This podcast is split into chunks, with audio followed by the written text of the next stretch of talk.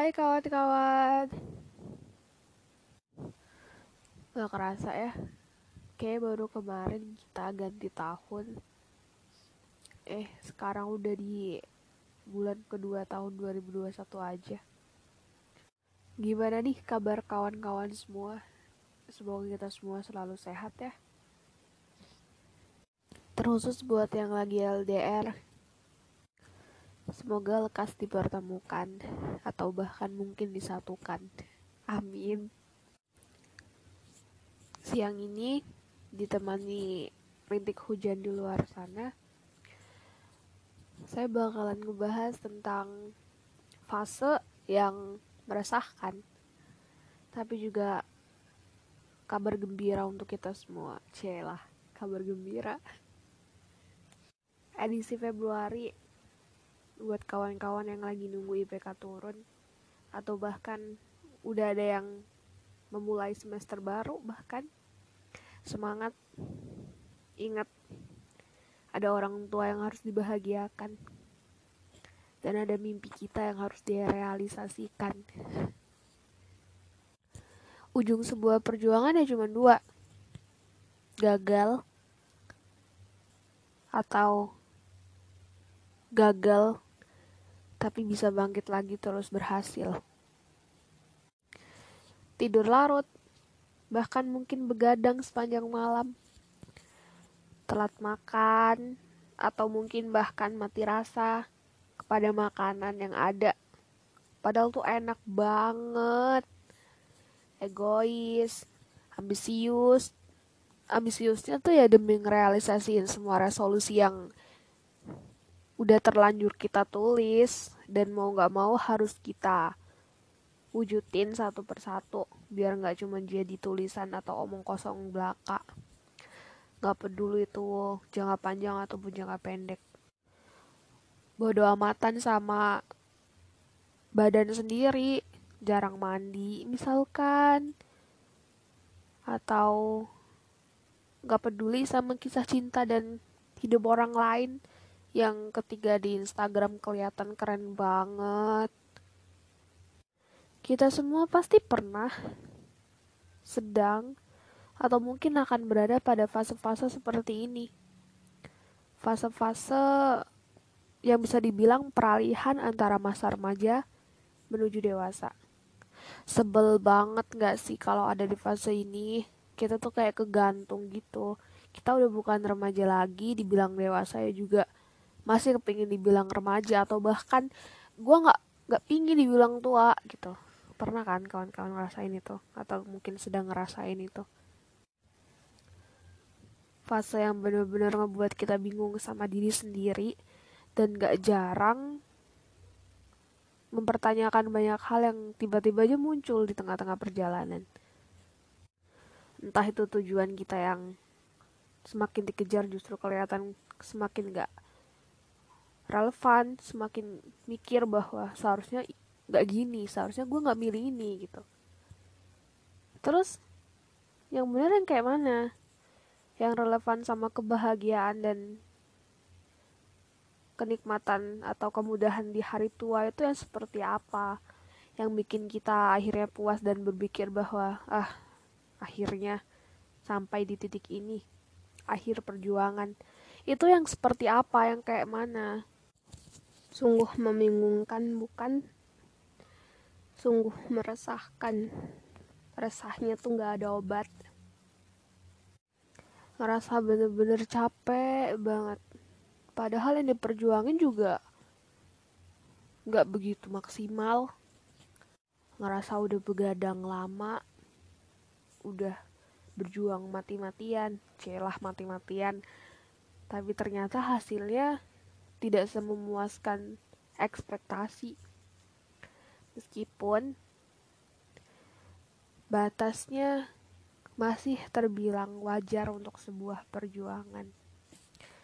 Ya, sebenarnya ya, buat hal-hal yang kayak gitu, bukan salah semesta kok. Bukan salah yang ngasih hasil juga itu semua tergantung ambisi kita sebenarnya seberapa tinggi kita naroin target yang dilengkapi dengan ambisi besar itu juga bisa mempengaruhi seberapa puas kita pada hasilnya. Bisa jadi perjuangan yang selama ini kita lakukan, yang selama ini kita rasakan dan kayaknya udah kita lakuin mati-matian, eh ternyata kita nggak nggak lagi berjuang untuk apa-apa gitu. Kita cuma terlalu kepedean aja kita lagi berjuang. Padahal mah kebanyakan rebahan. Apa itu yang disebut perjuangan? Hah, plus 62 plus 62 apa yang barusan saya bilang? Sepertinya semua itu sedang dirasakan juga oleh orang-orang yang berjuang.